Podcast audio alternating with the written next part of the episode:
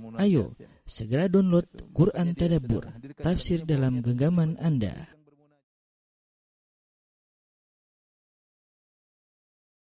Bismillahirrahmanirrahim. Assalamualaikum warahmatullahi wabarakatuh. Alhamdulillahi ala ihsanih wa syukru lahu ala taufiqihi wa amtinani. Asyhadu an la ilaha illallah wahdahu la syarika lahu ta'ziman li sya'nih wa asyhadu anna Muhammadan abduhu wa rasuluhu ad-da'i ridwanih. Allahumma salli alaihi wa ala alihi wa ashabi wa ikhwani. Para pemirsa yang dirahmati oleh Allah Subhanahu wa taala. Uh, kita melanjutkan bahasan kita dari pembahasan fiqh al-asma al-husna tentang memahami nama-nama Allah yang terindah ya. Sebagaimana dikatakan pepatah tak kenal maka tak sayang ya. Maka semakin kita mengenal Allah Subhanahu wa taala dengan nama-namanya yang mengandung sifat-sifat yang terindah, maka kita akan semakin mencintai Allah Subhanahu wa taala, semakin takut kepadanya, semakin khusyuk dalam beribadah ya. Sebagaimana dikatakan oleh salah seorang salaf, "Man kana billahi a'raf kana lahu akhwaf" ya. Barang siapa yang semakin mengenal Allah Subhanahu wa taala, maka dia akan semakin takut kepada Allah Subhanahu wa taala ya. Wali ibadatihi atlab ya dan dia semakin semangat beribadah kepada Allah Subhanahu wa taala dan semakin jauh dari maksiatnya. Pada kesempatan yang berbahagia ini kita akan bahas uh, tiga nama. Kalau sempat kita akan bahas nama yang keempat ya. Tiga nama tersebut adalah Al-Quddus, uh, As-Subuh dan As-Salam. As-Subuh, Al-Quddus, As-Salam. Kalau sempat kita akan bahas At-Tayyib. Tayyib uh, Hadirin dan hadirat yang dirahmati Allah Subhanahu wa taala. Kita pernah membahas sebelumnya ya, uh, bahwasanya nama-nama Allah uh, bisa dibagi diklasifikasikan menjadi empat ya. Jadi empat kelompok ya. Yang pertama adalah nama-nama yang berkaitan dengan sifat zatiyah, sifat-sifat zatiyah, zatiyah Allah. Kemudian yang kedua nama-nama yang berkaitan dengan sifat-sifat fi'liyah.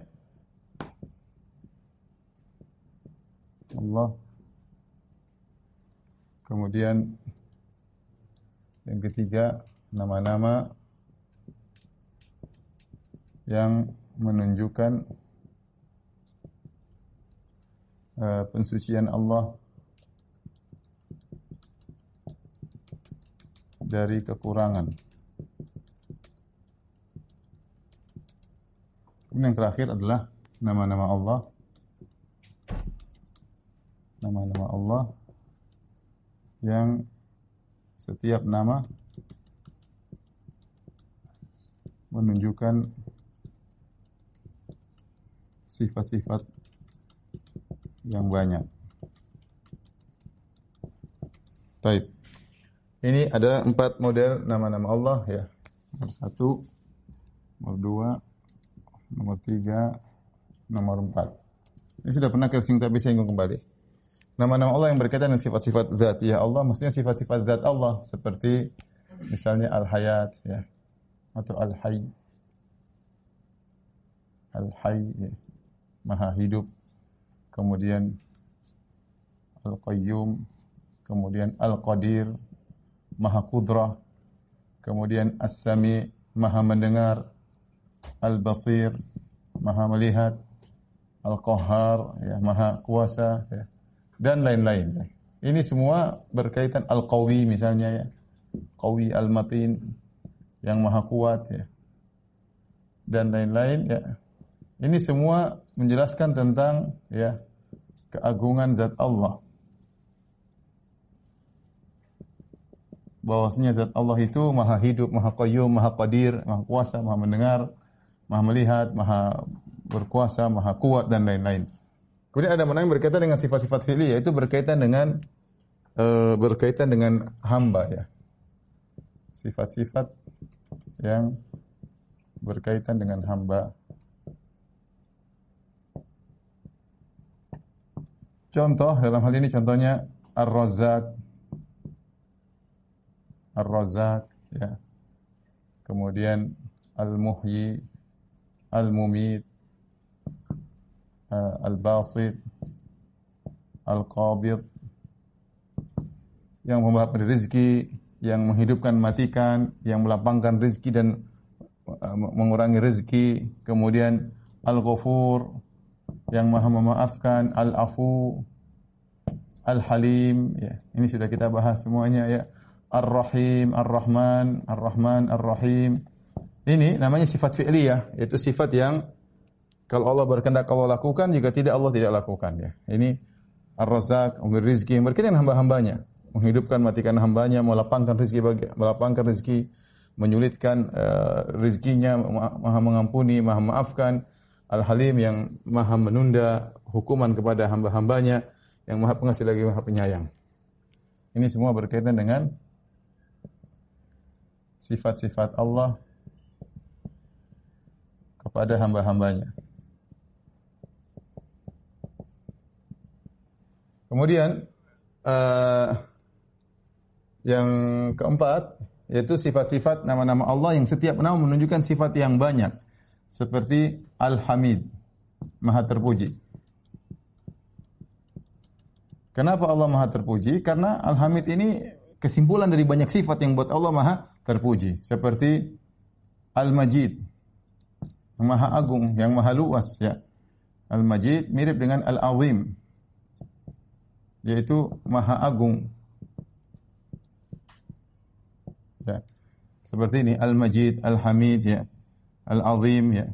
Ini uh, contoh As-Samad. Sudah pernah kita bahas As-Samad itu memiliki banyak sifat ya. Sudah pernah kita bahas As-Samad. Kenapa nama-nama ini? Karena setiap nama eh, Allah dinamakan dengan nama-nama tersebut dengan nama-nama tersebut karena kesimpulan dari dari memiliki banyak sifat-sifat yang agung. Yang agung ya. Makanya karena Allah memiliki banyak sifat agung, Allah dikatakan Al-Hamid, Al-Majid, Al-Azim, As-Samad ya. Nah, yang yang ketiga, nama-nama yang menunjukkan pensucian dari Allah Subhanahu wa taala di sini ada uh, empat nama ya, di antaranya As-Subuh, Al-Quddus, As-Salam, At-Tayyib. Ini empat nama ya. As-Subuh maknanya mirip-mirip tapi ada perbedaan uh, perbedaan tipis di antara nama-nama tersebut. Nah, kalau kita mau perhatikan seluruh nama-nama Allah yang 99 atau lebih daripada itu yang akan kita bahas tidak keluar dari nama-nama dari nama-nama ini. Ini salah satu bentuk klasifikasi nama-nama Allah Subhanahu wa taala. Nah, pada kesempatan kali ini yang akan kita bahas adalah ini ya. As-Subbuh, Al-Quddus, Salam, At-Tayyib ya. Tolong dihapus. Tayyib kita akan bahas ya eh, nama-nama yang menunjukkan pensucian.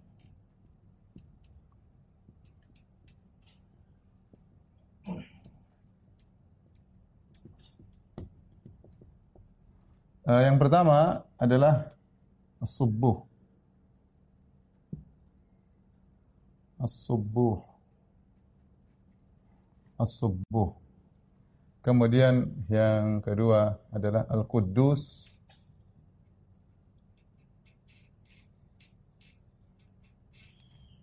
Kemudian yang ketiga adalah as-salam. Yang keempat adalah at-tayyib.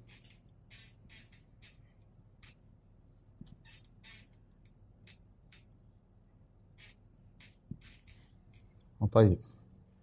As-subuh ya, apa makna as-subuh? Maknanya al-musabbah.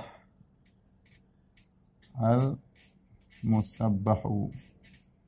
Al musabbahu yaitu yang disucikan. Yang disucikan. Al-Quddus mirip ya. Al-Quddus artinya Al-Muqaddasu. Al-Muqaddasu. Ya, sama juga artinya yang disucikan. Ya, yang dibersihkan ya, kalau kita mau lebih uh, detail. Assalam artinya uh, yang maha selamat dari as-salim ya, artinya yang maha selamat. At-tayyib artinya yang maha baik. Baik. Adapun as-subuh ya, dan ini uh, datang dalam beberapa hadis di antaranya uh, Nabi wasallam dalam ruku Nabi berdoa adapun dalil Nabi SAW berdoa dalam ruku dan sujud sallallahu alaihi wasallam berdoa berzikir ya.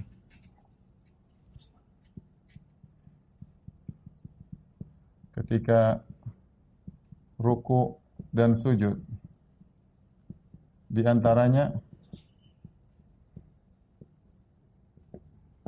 subuhun kudusun rabbul malaikati warruh di antara zikir Nabi ini, subuhun kudusun rabbul malaikati warruh. Nabi baca ketika ruku, ketika sujud. Kita tahu doa ruku, doa sujud banyak ya. Zikir ruku, zikir sujud banyak ya. Di antaranya ini, kita boleh baca subhana rabbiyal azim ya. Ruku, sujud subhana rabbiyal a'la. Tapi kita juga boleh baca ini, subuhun kudusun rabbul malaikati ruh ya. Kemudian selesai salat witir,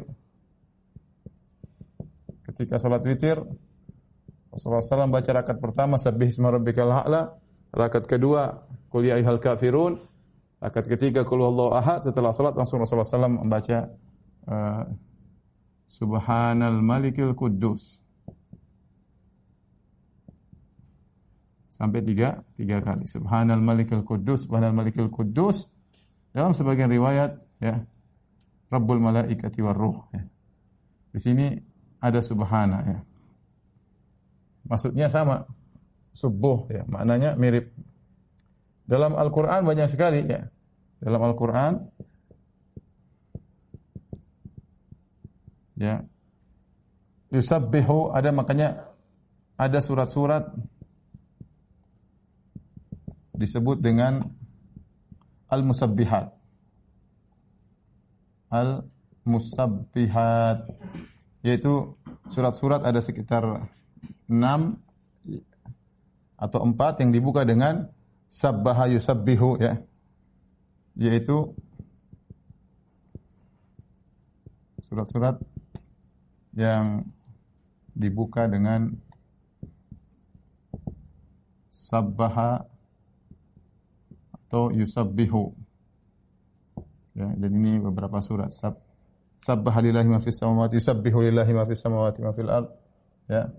Ada yang menambah lagi dibuka dengan sabbih isma rabbikal a'la, ada yang mengatakan subhanalladzi asra bi 'abdihi. Jadi ini semua uh, tasbih menunjukkan nama Allah As-Subbuh, As-Subbuh. Taib. Apa makna As-Subbuh? Makna lebih detail.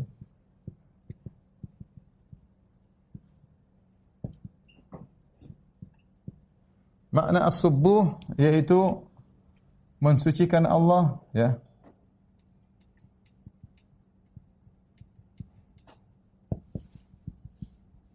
dari segala kekurangan.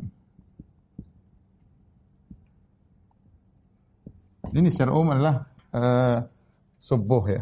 Mensucikan Allah dari segala kekurangan. Kekurangan yang dituduhkan kepada Allah banyak ya. Seperti menuduh Allah punya anak, seperti menuduh Allah punya pasangan seperti Allah uh, apa namanya nuduh yang macam-macam ya. Allah capek, Allah letih dan yang lainnya. Baik. Adapun Al-Quddus dalilnya ya. Firman Allah Subhanahu wa taala Wallahu khaliq huwallahu uh, huwallahu alladzi la ilaha illahu alimul ghaibi wasyahid huwar rahmanur rahim wallahu alladzi la ilaha illahu al-malikul quddusus salamul mu'min. Dalam Al-Qur'an Allah berfirman Al-Malikul Quddus As-Salamul Mu'minul Muhaiminul Azizul Jabbarul Mutakabbir dalam surat Al-Hasyr. Di sini ada Al-Quddus sekaligus As-Salam. Al-Quddus sekaligus As-Salam ya. Tadi juga uh, doa witir ya.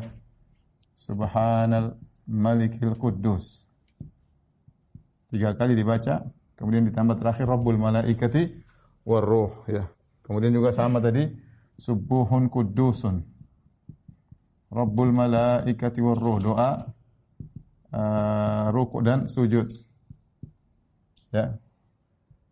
Yaitu subuhun maksudnya musabbahun muqaddasun yang maha suci dan uh, Taib. Apa makna Al-Quddus? Makna Al-Quddus.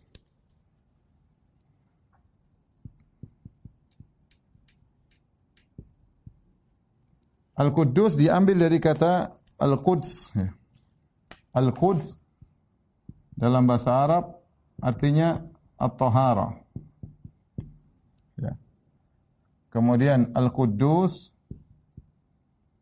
sama dengan Al-Muqaddas sama dengan Al-Mutahhar yang disucikan. Mutahhar. Jadi makna Al-Quddus jadi maknanya ya menetapkan kesucian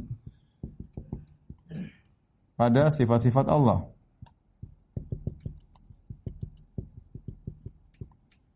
Pada sifat-sifat Allah. Ini makna uh, Al-Quddus ya. Jadi kalau kita lihat bedanya antara Al-Quddus dengan As-Subuh, As-Subuh Allah alam bisawab, dia lebih fokus kepada mensucikan Allah dari tuduhan-tuduhan ya. Adapun Al-Quddus berkaitan dengan sifat Allah yaitu Allah Maha Suci. Ya, kalau kita mengatakan Allah Maha Suci, ya. Yang melazimkan Allah Maha Suci berarti harus dibersihkan dari dari segala-segala kekurangan yang dituduhkan kepada Allah. Maka as-subuh kelengkapan dari Al-Quddus, kelengkapan dari Al-Quddus. Taib. Sekarang Assalam. Assalam yang maha selamat. Dalilnya Ya. Uh, dalilnya adalah ayat yang sama ya. Dalam surat Al-Hasyr Al-Malikul Qudusus Salamul Mu'minun. Ya, Al-Malikul Kudus, As-Salam yang Maha Selamat ya. Kemudian uh, datang dalam hadis uh, La taqulu salamu ala Allah, lianna Allah huwa salam. Ya. La taqulu assalamu ala Allah. Ya. Kenapa? Lianna Allah huwa salam. Atau kama qala Nabi SAW. Jangan kalian berkata Assalamu ala Allah. Kenapa? Karena Allah dialah assalam. Ya. Karena jangan berkata keselamatan bagi Allah. Karena Allah sumber keselamatan. Allah lah selamat dari segala kekurangan. Dahulu para sahabat ketika mereka tahiyat kita kan baca at-tahiyatu lillah. Ya. Wassalawatu wattayyibatu ya. Tapi dulu sahabat berkata wassalamu ala Allah ditambah wassalamu ala Allah. Allah Rasulullah tegur, jangan bilang assalamu ala Allah. Seakan-akan kita berdoa ya Allah semoga engkau dapat keselamatan. Karena Allah adalah Maha Selamat dan dia sumber keselamatan, maka tidak boleh seorang mengucapkan assalamu ala Allah. Kenapa? Karena Allah adalah huwa assalam. Huwa salam. Baik. Makna assalam ya. Ada secara umum ada dua makna yaitu maha selamat dan pemberi keselamatan.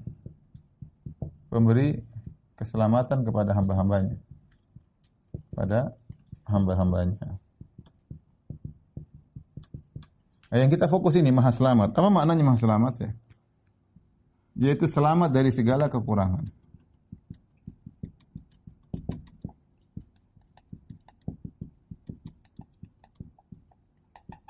Baik, apa bedanya? Jadi kita perhatikan semuanya sama.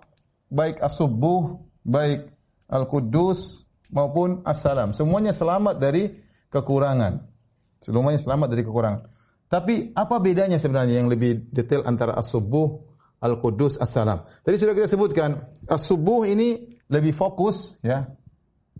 Lebih fokus kepada mensucikan Allah dari tuduhan-tuduhan ya. Tuduhan-tuduhan kekurangan kepada Allah.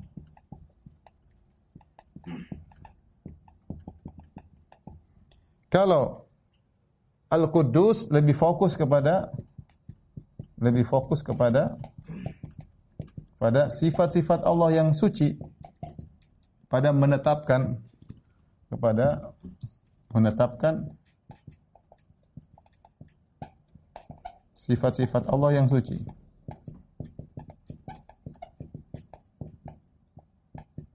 Yang ini melazimkan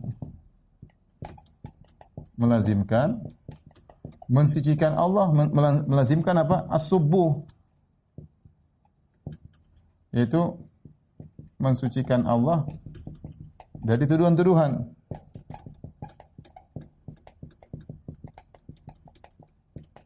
Uh, sangat apa namanya logis kalau Allah sifat-sifatnya maha suci berarti nggak ada kekurangan dong maka segala tuduhan-tuduhan dibantah dengan as-subuh makanya Allah mengatakan uh, apa namanya subhanahu wa taala amma yusyrikun. Maha suci Allah dari kesyirikan yang mereka lakukan. Ya. Allah maksud dari kesyirikan. Jadi segala-segala sifat-sifat yang buruk ditepis dari Allah Subhanahu wa taala dengan as-subuh dan merupakan kelaziman dari Al-Quddus. Adapun Maha Selamat, kata para bedanya apa dengan as-subuh dan Al-Quddus? Ya. Uh, Assalam mencakup ya. Mencakup. Al-Quddus dan As-Subuh. Namun ada makna fokus ada makna yang lebih fokus. Yaitu selamat dari aib-aib yang di masa datang yang diduga ya. ya kalau kita bilang As-Subuh dan Al-Quddus seakan-akan berkaitan dengan sekarang dan masa lampau. Allah Subhanahu wa taala As-Subuh Al-Quddus masa lampau lebih fokus. Tapi kalau kita bilang selamat itu Allah akan selamat selama-lamanya. Selamat dari segala kekurangan, selamat dari segala uh, apa namanya keburukan ya. Jadi dia lebih fokus kepada keselamatan di uh, masa depan dan dia mencakup juga As-Subuh dan Al-Quddus ya. Subuh Al-Quddus tapi kita bicara makna yang lebih fokus ya. Sebenarnya maknanya mirip-mirip semuanya, sama-sama mensucikan Allah, tapi As-Salam ini lebih fokus kepada uh, keselamatan dari hal-hal yang diduga akan datang kepada Allah di uh, kemudian hari ya. Maka Allah adalah As-Salam. Allah adalah As-Salam. Makanya Ibnu Qayyim rahimahullah taala menyebutkan makna salam dengan makna yang banyak. Taib. Kita sebelum lanjut kepada detail dari makna salam, kita ingin uh, menyebutkan apa sih yang disucikan dari Allah? Yang disucikan dari Allah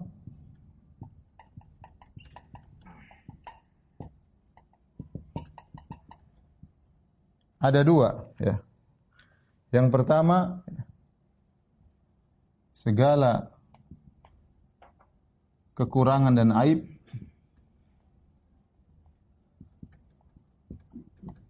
Yang kedua, disucikan dari menyamakan. Menyamakan Allah dengan makhluk. Atau menyamakan makhluk dengan Allah.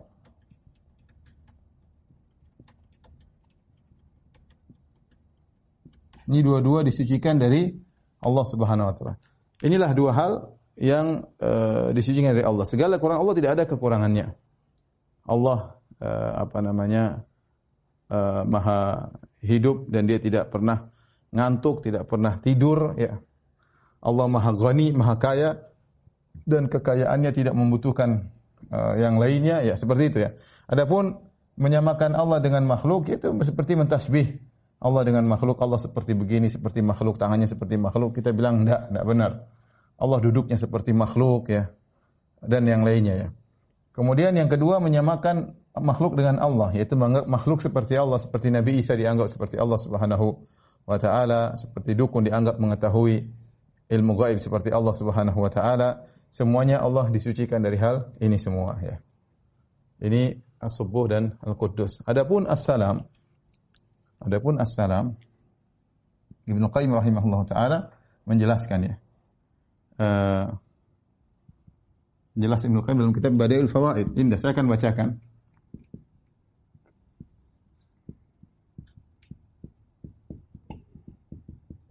Rahimahullah tentang as-salam.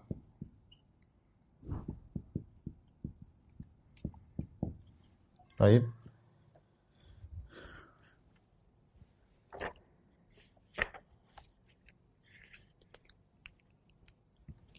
Saya akan bacakan. Qala Ibnu Qayyim rahimahullahu taala, "Walidzalika karenanya ketika dia berbicara tentang sifat nama Allah As-Salam. Idza nadharta ila afradi sifati kamalihi wajadta kulla sifatin salaman mimma yudadu kamalaha. Kalau kau perhatikan terhadap seluruh sifat-sifat sempurna yang maha sempurna Allah, kau dapati setiap sifat Allah akan selamat dari hal yang bertentangan dengan kesempurnaan sifat tersebut. Contoh, hayatuhu sifat Allah salam. Sifat Allah maha hidup apa? Salamun minal maut wa minas sinah wa naum. Saya tuliskan di sini aja biar ya. Ini kata Ibnu Qayyim indah sekali. Ya. Apa makna salam? Yaitu sifat Allah seluruhnya selamat dari kekurangan yang merupakan lawan dari sifat tersebut. Contoh, ya, maha hidup Allah. Ya. Apa? Uh, selamat dari dari mati, dari dari mati ya. Allah hidupnya tidak mati. Kemudian ngantuk, la ta'khudhuhu sinatu wala naum, tidur ya. Inilah maha hidup Allah Subhanahu wa taala. Contoh, maha kudrah. Maha kudrah. Apa? Selamat dari selamat dari apa? Capek, ya. Kemudian daripada uh, letih. Allah Maha Maha Kuasa, ya. Uh, Allah apa namanya? tidak tidak ada taab, tidak ada lugub, ya dua-duanya. Wa ma masana min lugub. Kata Allah dan kami tidak ditimpa dengan lugub. Lugub itu keletihan setelah beraktivitas. Ini sering saya sampaikan.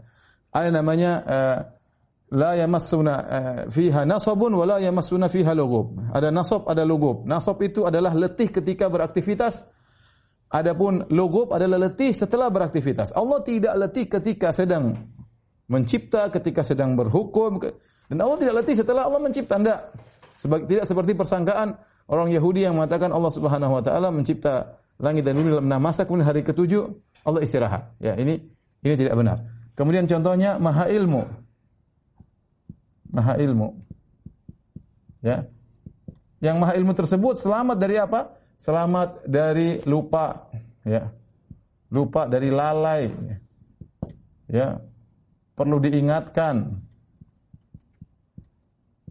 Ya. Karena maha ilmu Allah Subhanahu wa taala sempurna ya. Ada yang luput, ini semuanya tidak ada daripada Allah Subhanahu wa taala ya.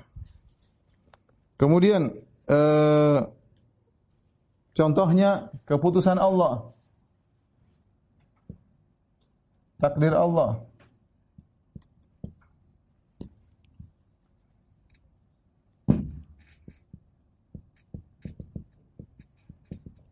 Selamat dari apa?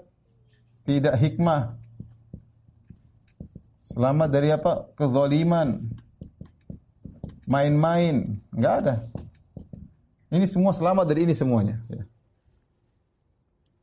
Contoh misalnya lagi ya. Allah Maha memaafkan.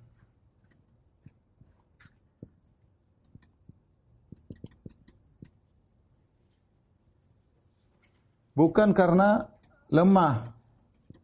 Bukan karena membutuhkan. Tidak. Allah selamat karena akan tapi karena rasa sayang, karena kebaikan yang luar biasa dari Allah maka Allah uh, memaafkan. Kemudian misalnya Allah marah ya, Allah ghadab marah, marah kepada ya, bukan berarti melazimkan Allah uh, butuh ya. Allah butuh untuk balas dendam. Tidak, Allah marah karena keadilan. Marah karena keadilan. Bukan karena butuh. Allah memaafkan apa? Karena kebaikan Allah Subhanahu wa taala ya. Seperti itu Ibnu Qayyim menyebutkan banyak contohnya ya. Bahwasanya inilah yang disebut dengan as-salam ya. Bahwasanya setiap sifat-sifat Allah itu selamat dari lawannya yang bisa mencoreng dari kesempurnaan sifat-sifat tersebut. Ibnu Qayyim sebutkan dalam uh, kitabnya Badaul Fawaid ya dan itu uh, penjelasan yang sangat indah, panjang sekali ya. Di yang dinukil oleh Syekh Abdul Razak hafizahullah taala dalam kitabnya Fiqhul Asma Al Husna. Baik, ini yang disebut dengan as-salam. Uh, jadi as-salam secara makna adalah uh, selamat. Baik, adapun pemberi keselamatan ya. Maka makna yang kedua dari pemberi keselamatan maksudnya Ya, Allah memberi selamat kepada hamba-hambanya. Makanya dalam banyak ayat Allah mengatakan salamun ala Ibrahim, keselamatan bagi Ibrahim, salamun ala Ilyasin, salamun ala Nuhim, ya, keselamatan bagi Nuh. Ya, dan banyak Allah sebutkan keselamatan-keselamatan. Di antara Allah memberi keselamatan, Allah beri surga. Surga disebut dengan Darussalam, ya. Kenapa disebut dengan Darussalam? Karena Allah beri keselamatan dalam surga tersebut. Orang yang mau surga selamat dari segala kekurangan, ya. Dia tidak akan mendengar perkataan yang menyakitkan, dia tidak akan bersedih, dia tidak akan khawatir, ya. Dia tidak akan uh, apa namanya? Uh, cemburu, dia tidak akan marah, dia tidak tidak ada semuanya hilang. Kenapa? Karena dia masuk dalam Darussalam. Dia tidak ada dongkol, ya. Dia tidak ada jengkel, tidak ada. Semua. Dia tidak akan letih, dia tidak akan sakit, dia tidak akan tidur, ya. Semua. Kenapa dia masuk dalam as Darussalam? Kenapa surga disebut dengan Darussalam? Karena Allah beri keselamatan pada surga tersebut, ya. Di antaranya kita mengucapkan Assalamualaikum. Apa maknanya Assalamualaikum? Maknanya, Ya Allah berikanlah keselamatan kepada si fulan ini. Itu maknanya Assalamualaikum. Kita meminta keselamatan dari Assalam. Assalamualaikum artinya Allah berilah keselamatan kepada orang yang saya salami tersebut. Kemudian dijawab Waalaikumsalam. Beri juga keselamatan kepada kepada orang yang menyalami uh, tadi ya. Taib. Yang terakhir At-Tayyib ya. Taib maha baik ya. Datang dalam hadis dalilnya Nabi SAW bersabda Inna allaha tayyibun la yaqbalu illa tayyiban. Sungguhnya Allah Maha baik. Allah tidak menerima kecuali yang baik pula. Sesungguhnya Allah Maha baik dan Allah tidak menerima menerima kecuali yang baik pula.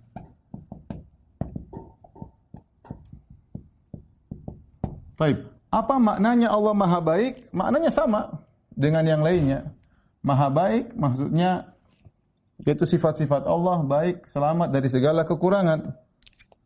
Sifat-sifat Allah seluruhnya baik. Seluruhnya baik, ya, selamat dari aib dan kekurangan. Jadi uh, dia hampir sama maknanya dengan as-salam, dengan al-qudus, dengan as-subuh, hampir sama maknanya. Cuma at-tayyib ini ada kelazimannya, berbeda kelazimannya.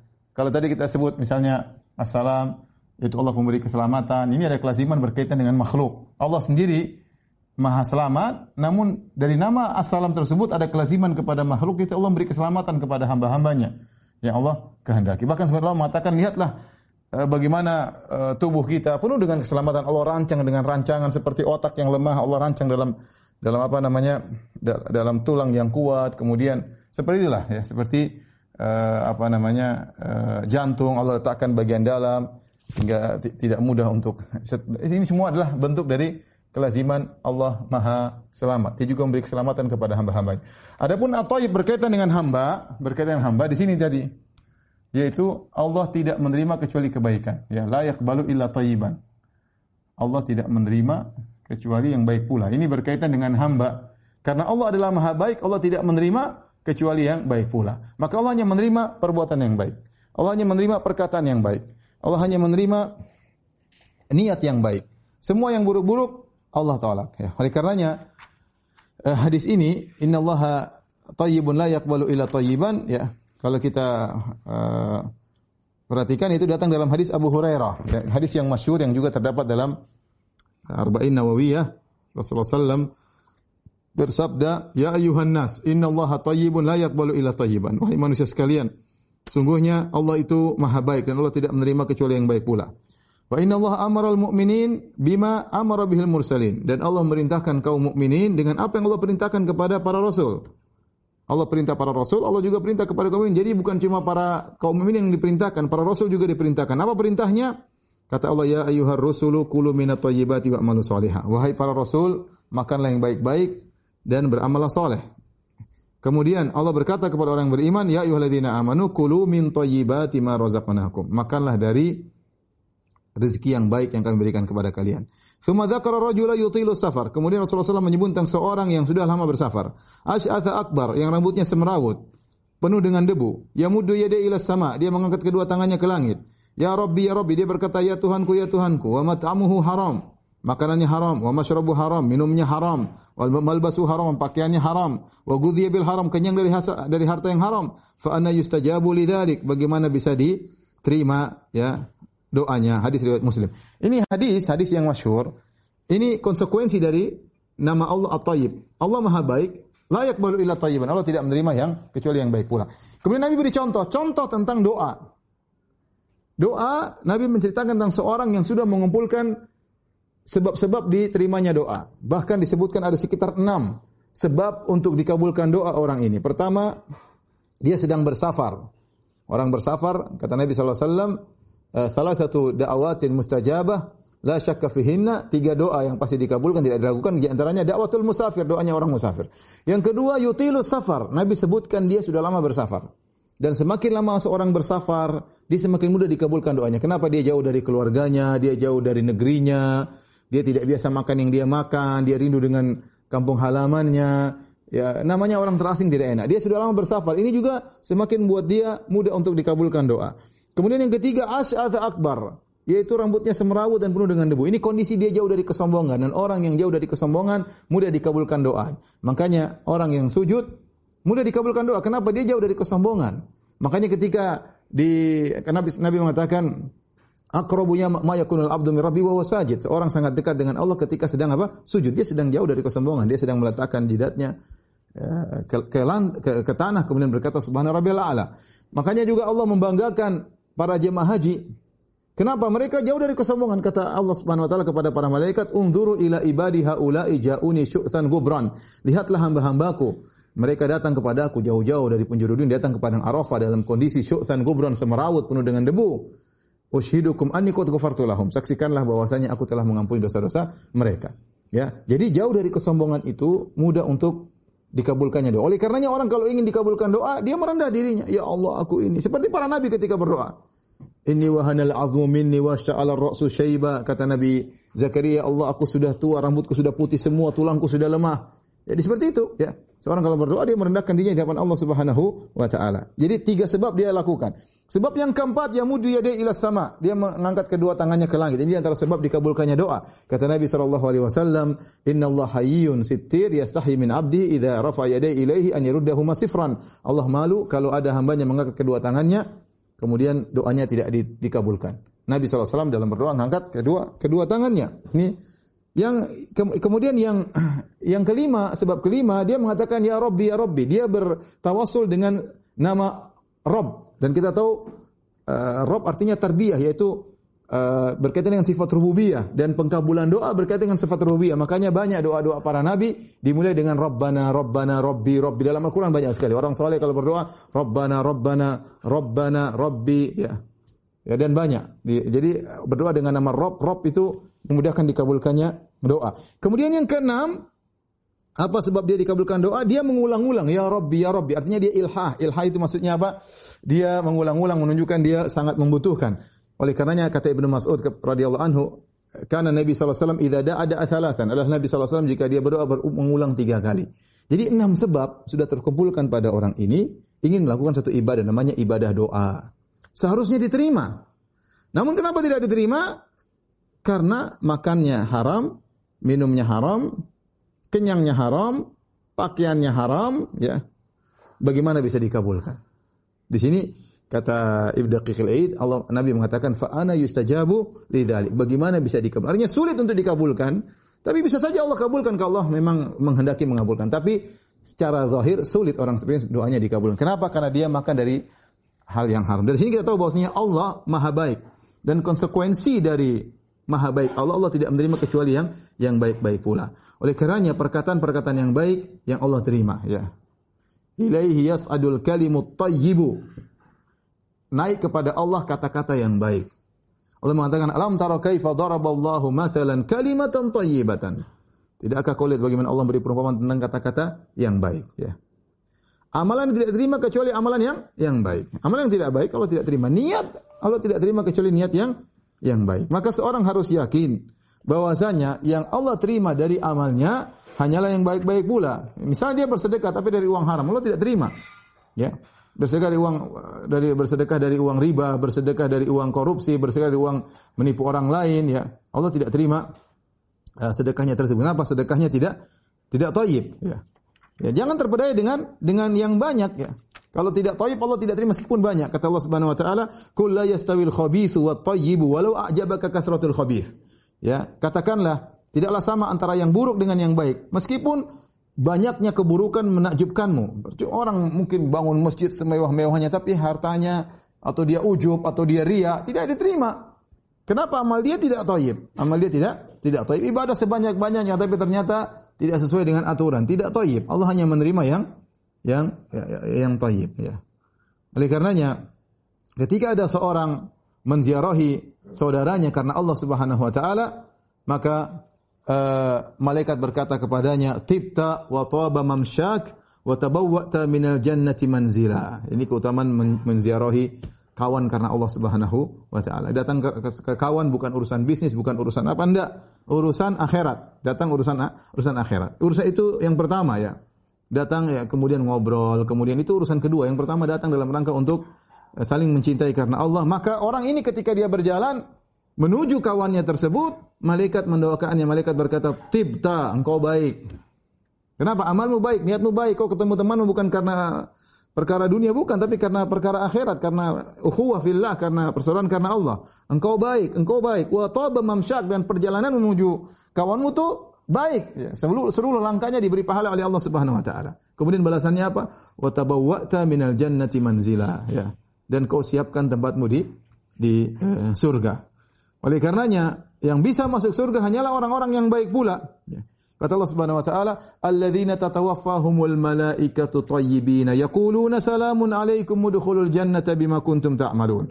Orang-orang yang malaikat maut mewafatkan mereka dalam kondisi apa? Thayyibin, dalam kondisi baik mereka. Yaquluna salamun alaikum maka malaikat berkata kepada mereka, "Selamat datang kepada kalian, masuklah kalian dalam surga akibat perbuatan amal soleh kalian." Allah juga berfirman, "Wasiqal ladzina taqaw rabbahum ilal jannati zumara." Maka orang-orang yang bertakwa di uh, yang bertakwa kepada Rabb mereka diantar kepada surga dalam kelompok-kelompok. Hatta idza ja'uha wa futihat abwabuha tatkala mereka sampai di surga kemudian dibuka pintu-pintu surga wa qala lahum khazanatuha maka berkatalah para penjaga surga salamun alaikum keselamatan kepada kalian tibtum yaitu tayyibun kalian dalam kondisi baik fadkhuluha khalidin maka masuklah kalian dalam surga dengan penuh keselamatan.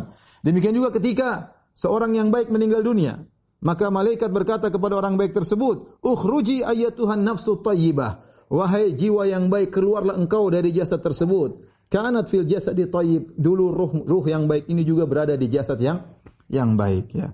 Oleh karenanya para pemirsa yang dirahmati oleh Subhanahu wa taala uh, jadi di antara konsekuensi dari nama Allah adalah uh, At-Thayyib yang maha baik ya.